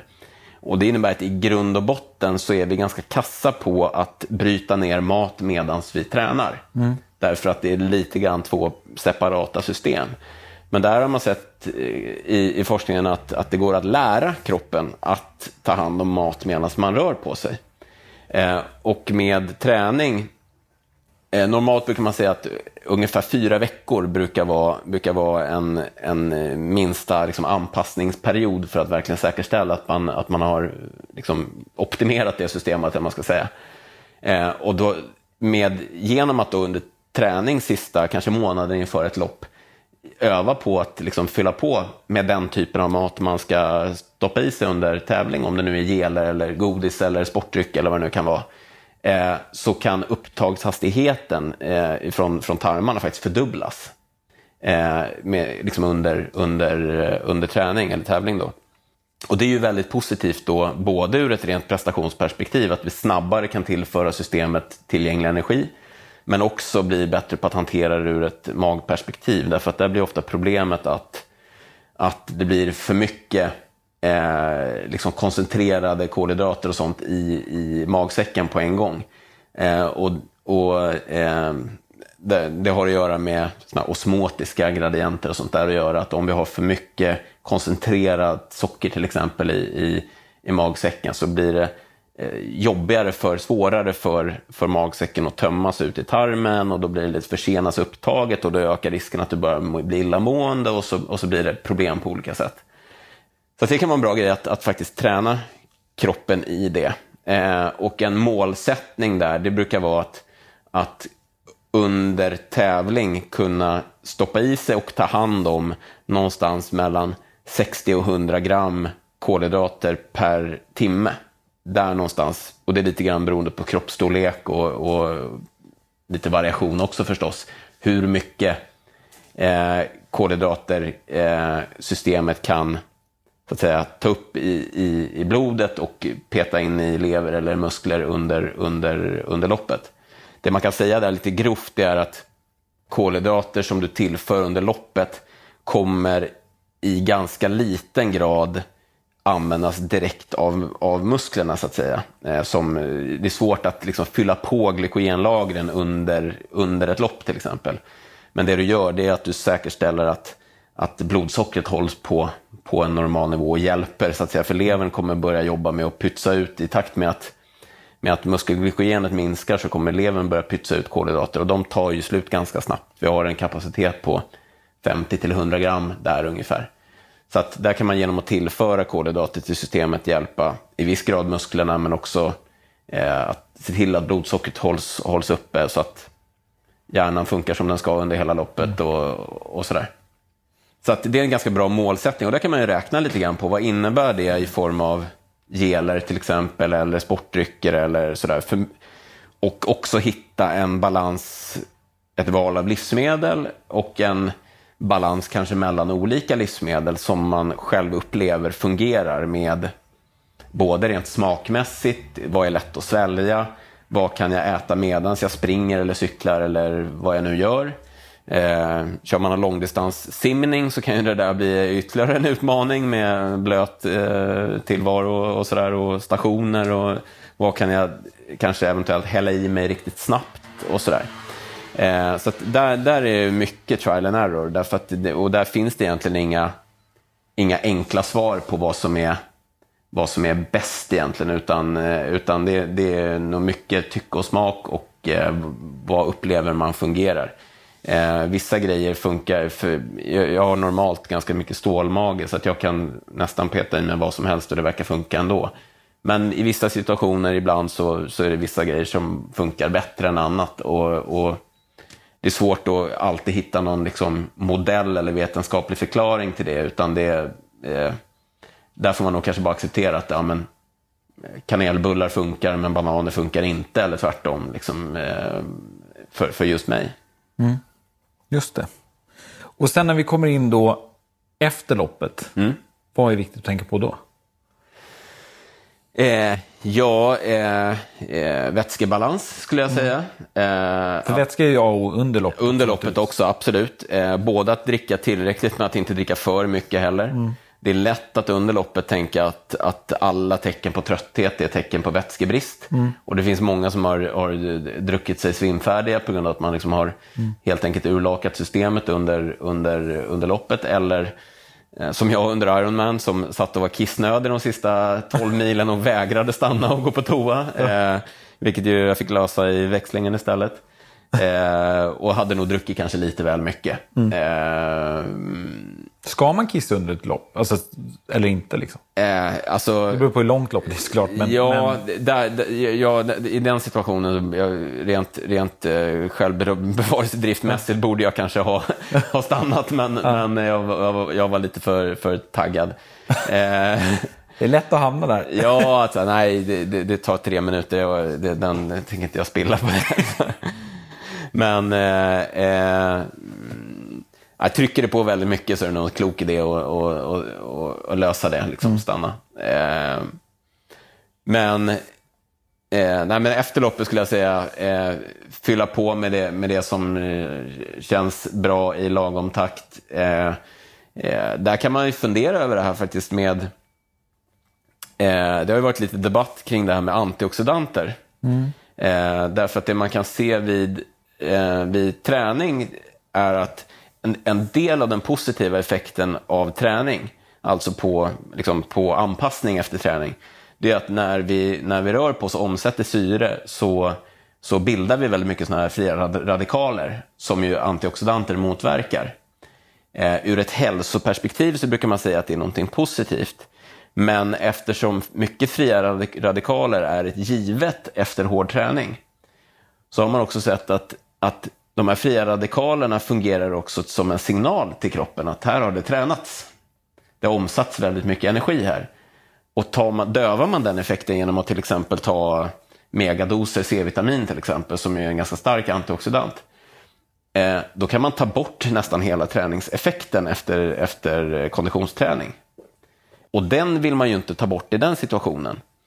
Däremot så skulle man kunna tänka sig att, och det finns en del studier faktiskt på, på studier på kinesiska elitsoldater som under sådana här långa hårda övningar har fått, har fått antioxidanttillskott under och efter den här, eh, den här övningen. Mm. Och då har man sett att återhämtningstiden efter eh, och graden av muskelskador och sånt där minskar lite grann. Mm. När man gör biopsier på dem och tittar på deras prestationsförmåga efter ett, en liksom riktigt uttömmande aktivitet. Eh, så där skulle man kunna tänka sig att kanske eh, strax inför, kanske under och kanske efter ett, ett riktigt uttömmande långlopp så skulle man kunna tänka sig att, att man använder, eh, att man skulle kunna ta antioxidanttillskott för att så att säga mildra den överbelastning av systemet som, som tävlingen innebär. Nu är jag ute och på lite hal is här, för det finns inte så mycket forskning kring, kring det, men, men det är en det är en inte otänkbar eh, positiv effekt i alla fall man skulle kunna tänka sig. För att där är ju, springer ett maraton så är det ju, om jag inte är på väldigt hög nivå så tänker jag mig inte det som ett träningspass, utan mm. det är ju mer en maxprestation. Eh, och efteråt är man ofta väldigt sliten och det kanske tar lite tid igen innan man kan komma tillbaka in i träning. Så där kan man tänka sig att, att man skulle kunna använda det för att mildra effekterna av den här lite över, överdrivna belastningar som man kanske gör under ett maraton eller ett Ironman-lopp eller någon, någon, annan form av långdistanslopp där, där slitaget blir ganska stort på systemet.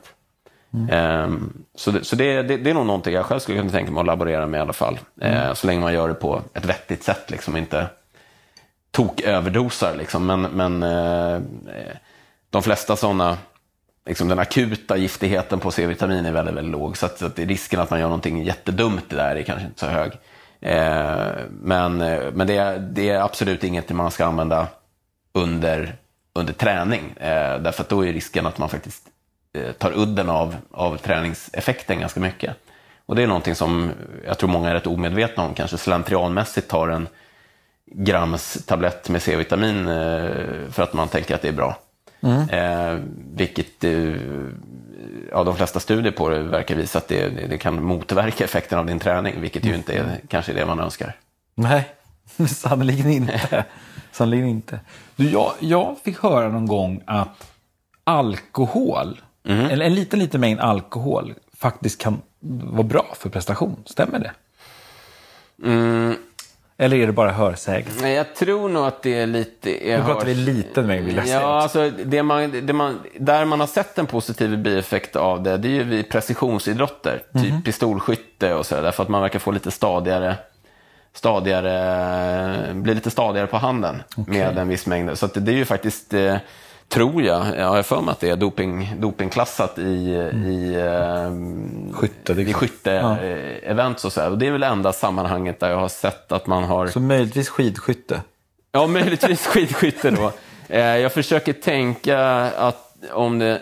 Alltså, Rent anekdotiskt så kan jag, kan jag ju känna att, att, att eh, när, när man i sin ungdomsdag var på någon, på någon lite eh, halvrolig fylla, att man, mm. att man fick en, en liten Eh, en rätt skön känsla av energi mm. eh, där på småtimmarna och kände att nej, men jag skulle nog kunna springa hem från stan. Mm. Eh, så jag, jag, skulle kunna tänka mig möjligen att det skulle kunna påverka lite så smärtreceptorer och sånt där mm. kanske. Att man skulle kunna få någon viss liksom, eh, eh dämpande effekt på, mm. på känsla av utmattning. Men var jag ute på halis innan så är jag på väldigt halis nu. Ja, jag förstår det det, det, kan ju ha andra negativa effekter ja. så, som är ganska eh, Nu är jag bara spekulerar ja. vilt här. Ja, men det, det är härligt.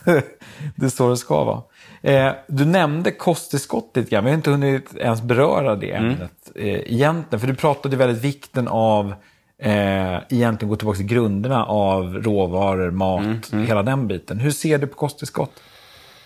Eh, nu pratar jag kanske generellt mer i maten, inte så mycket de här gällorna och allt det där som nej, är på dagen som har ett, ett eget syfte. Precis, där får man lite grann dela in tillskott i olika kategorier. För att mm. rent krasst är ju en sportdryck, skulle vi kunna kalla för ett kosttillskott. För det, mm. det är det man brukar klassa som energitillskott, så att säga. Det. Om det är, Eh, och det är ofta i form av kolhydratgeler och, och såna här saker. Så det är ju en form av kosttillskott. Eh, en annan kan ju vara proteintillskott eh, i form av eh, proteinpulver eller någon bar eller eh, eh, ja, någon, annan, någon annan produkt med, med protein eller aminosyror till exempel. Eh, som ju ofta är då till för att stimulera eh, muskeltillväxt eller, eller träningsanpassning på andra sätt. Eh, och där har vi har väl egentligen inget, inget kategoriskt emot det eh, det är ganska processade produkter ofta. Alltså tar vi ett, ett vanligt proteinpulver så är det ofta, eh, om det inte är veganskt så är det, så är det absolut oftast mjölkbaserat. Och det är en ganska mm, processad mjölkprodukt eh, där man liksom bara har, har proteinfraktionen kvar. Så det är befriat från all annan näring egentligen förutom proteinet. Eh, och en viktig poäng där är väl att just se det som ett tillskott och inte som som eh, ersättning för annan, för annan näring och kanske vara extra noggrann med att få i sig annan näring på annat sätt om man liksom tar ett rent återhämtningsmål som bara är eh, protein till exempel. Sen finns det ju tillskott av fetter till exempel. Det kan vara eh, omega-3 till exempel som, som vissa tar. Det finns det vissa studier på positiva effekter för tränande både i form av muskeltillväxt men även i form av eh, effekter på uthållighet och sånt där. Eh, lite blandade resultat i den forskningen. Eh, men man skulle kunna tänka sig det. Det är ju eh, generellt positiva, eh, alltså ur ett rent hälsoperspektiv, eh, bra att ta om man inte äter så mycket fet fisk till exempel. Sen har vi mineraler och vitaminer och sånt där som ju, där är väl min hållning att, att det ska man bara ta om man har en uppvisad brist på det eller en eller att det är sannolikt att man utvecklar en brist om man inte tillför det. Det kan vara D-vitamin under, under vinterhalvåret till exempel för mm. oss som bor här uppe och det kan man nog rekommendera på ganska bred front. Mm. Det kan vara järn för vissa grupper, eh, menstruerande kvinnor eh, framförallt, kanske framförallt eh, i ännu högre grad om man också äter veganskt. Eh, löpare till viss del kan faktiskt drabbas av, av järnbrist eh, och det är lite intressant, det är för att, dels för att man när man springer och, och, och rör sig så uppstår ofta små mikroskopiska blödningar i tarmarna som gör att man kan förlora faktiskt en del blod den vägen. Eh, en annan är faktiskt att när du springer mycket så, så fotisättningen mm. slår faktiskt sönder röda blodkroppar mm. under, under fötterna. Det finns en, en fallstudie faktiskt på en kille som, som kom med, med blodbrist eh, och de kunde inte utröna vad, vad det berodde på. Men till slut så, så eh, kom de på att det berodde på att han spelade bongotrummor. Han var bongotrummis och Aha. spelade timtal om dagen på, på bongotrummor och med slagen slog sönder blodkroppar i, i, händerna. Så det kan faktiskt bli, för vissa liksom, personer bli en betydande eh, eh, källa till hjärnförlust.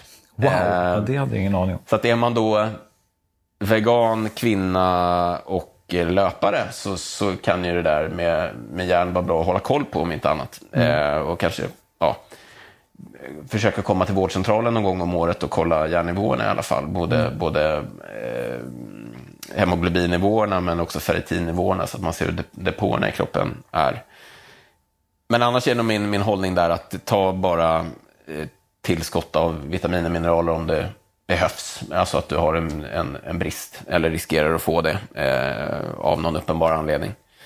Eh, sen har vi också gruppen då prestationshöjande kosttillskott. Eh, och där finns det ett antal med faktiskt eh, ganska tydligt bevisade effekter. Tar vi uthållighetsidrott så kanske inte minst koffein som faktiskt har, har och även vid styrketräning så har, de, har det positiva effekter på prestationsförmåga.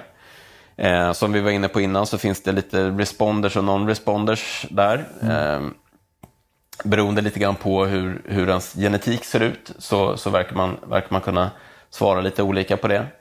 Eh, där skulle man även kunna tänka sig eventuellt beta-alanin.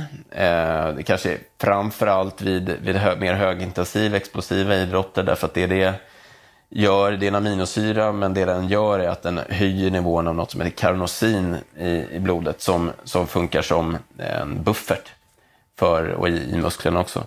Eh, vilket gör att, att eh, man inte blir lika, lika känslig för, för eh, de höga syranivåer som kan uppstå vid, vid, eh, vid riktigt högintensiv träning.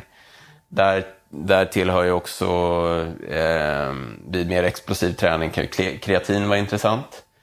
Ett annat för uthållighetsidrottare som har kommit mycket på senare år det är ju nitrattillskott. Eh, populärt med till exempel rödbetsjuice. Just det. Eh, och eh, anledningen att det blir positivt, det verkar vara flera. Eh, och det här är ett intressant exempel där faktiskt de med lägst träningsstatus får den största effekten verkar det som. Eh, Eh, så att eh, hos relativt otränade personer så verkar man kunna få en, en relativ effekt på, på prestationsförmågan vid, vid, eh, vid liksom, eh, statisk... Eh, alltså vid en viss relativ andel av din syreupptagningsförmåga så kan du få, få ungefär en 10-13-procentig effekt eh, på prestationen vid, vid eh, om, du, om du Eh, tar tillskott av, eh, av nitrat. Det som händer är att du, när vi äter nitrat så ombildas det först i magsäcken till något som heter nitrit. Och eh, därefter så, när det, när det här kommer ut i blodet så bildas det något som heter kväveoxid. Och kväveoxid har flera effekter. Dels har det blodkärlsvidgande, eftersom det eh, liksom är liksom lite muskelavslappnande. Eh, och dels så verkar det också eh, kunna funka, fungera som en alternativ det man kallar elektronacceptor eh, i musklerna. Vilket innebär att det ersätter syre lite grann i energiutvinningsprocessen. Så att eh, du behöver helt enkelt mindre mängd syre för att kunna prestera på samma höga nivå. Mm -hmm. Vilket ju är lite intressant då. Eh, så att du kan, du kan eh, springa fortare utan att, utan att eh, använda mer syre så att säga. Mm. Eh, ibland, lite felaktigt, så säger man att nitrat höjer syreupptagningsförmågan, men det, det, det, gör det egentligen inte, utan det, det snarare sänker syrekravet. Eh, okay. Och eh, det är inte några kopiösa mängder man behöver stoppa i sig heller. Det är ett par deciliter, motsvarande ett par deciliter rödbetsjuice eh, några timmar innan eh, en aktivitet så har det liksom full effekt. Okay. Det, det, finns lite studier som pekar på att man skulle kunna få positiva effekter av lite uppbyggnad några dagar innan och sådär. Men eh, de flesta verkar tyda på att det, det räcker med att bara ta en dos några timmar innan eh, en aktivitet. Så vill man få en liten edge Eh, och man kan säga att eh, antidopingbyrån blev ganska positiva när, när eh, uthållighetsidrottare började pimpla rödvetsjuice istället för att hålla på med... Ja, jag tänkte säga. Kanske inte istället för i och för sig, men, men, eh, men det är ju positivt när man kan få mm. prestationshöjande effekter av vanlig mat. Liksom. Verkligen. Eh, snarare än att, än att behöva ta till konstiga preparat. Liksom. Mm. Ja, verkligen, verkligen.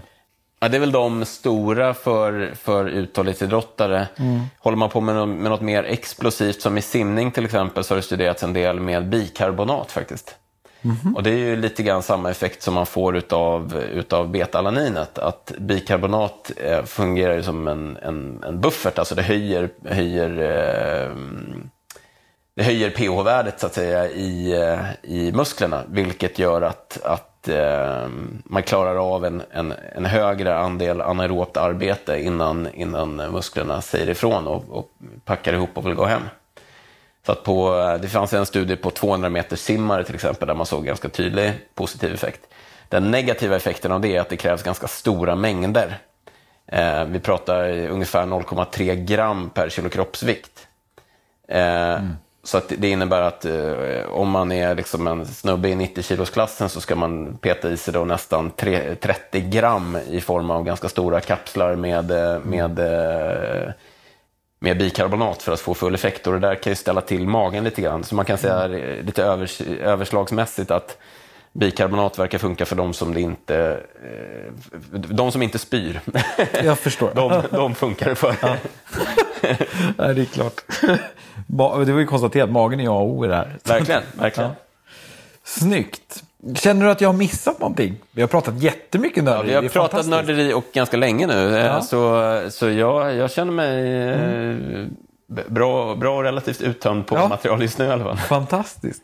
Har du några... Du, du pratade förut om att eh, ni skulle göra ett maraton, du och din fru. Ja. Vad, nu är det inställt. Mm. Eh, har du några andra planer på lopp? Har du några andra lopp inplanerade? Är det någonting du tänker? ja, alltså jag är ju lite sugen på... Alltså jag, jag gillar ju det, som jag sa innan, så gillar jag det här med att kasta mig ut på okänt vatten. Eh... Vi, vi, kan, vi, kan, börja nu. För vad har du gjort för lopp? Du har gjort Ironman. Ja, två Ironman. Två, två jag har gjort eh, ett maraton. Ja. Eh, och sen har jag gjort... Vilket maraton? Eh, Stockholm. Stockholm, ja. Eh, efter första Ironman, eh, innan nummer två. Eh, och sen har jag gjort eh, ett par swimrun-lopp eh, ute och ute, ja, Stockholm eh, swimrun Stockholm gjorde jag också. Ja. Eh, men, eh, ja, men som sagt så gillar jag det där när, när jag... I fjol körde jag ett sånt här gå långt-lopp som heter Para Endurance Race där man går långt med tung rygg, ryggsäck i par. Just det. Eh, nere i Karlsborg. Eh, Hur långt gick du då? Eh, du, drygt 70 kilometer eh, med då, på, per par ska man då väga, eh, bära 40 kilo. Mm. Eh, och så är det ja, såna här kraftledningsgator och sankmark och sånt där som man ska ta, ta sig förbi. Det är inte eh, bara en promenad runt kvarteret? Nej, inte bara en promenad, nej. utan det, det, var, det var lite mer utmanande. Det var väldigt roligt. Mm. Eh, och lite sådana här kluriga stationer längs vägen och så här. Så det var lite annorlunda typ av lopp än, än de här mer snitslade banorna. Liksom. Så det var, det var kul. Eh, men jag är lite sugen på att göra ett, eh, någonting mera ultraaktigt eh, i löpning. Eh, för det känns som att det är eh, där det skulle utmana mig både mentalt och, eh, och fysiskt på lite nya sätt. Eh, så det, det, det, har jag haft i... Jag har levt i fantasivärlden ett antal år nu, så det, det, är nog dags att, att göra slag i den saken. Och det finns ju det finns ju egentligen inga ursäkter att inte göra det, för det finns ju mängder med lopp att, att göra det så det. Och många ganska nära här också, så att man skulle kunna göra det på hemmaplan mer eller mindre. Mm. Om inte annat så är det väl bara att snöra på sig skorna och gå ut och göra det själv. Faktiskt, absolut. Ja, precis. Fantastiskt att höra.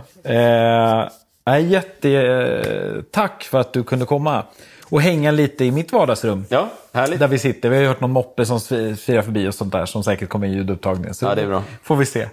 Eh, superstort tack David. Riktigt själv. skoj som sagt att ha dig med i podden. Eh, jag får passa på att önska dig en grym sommar.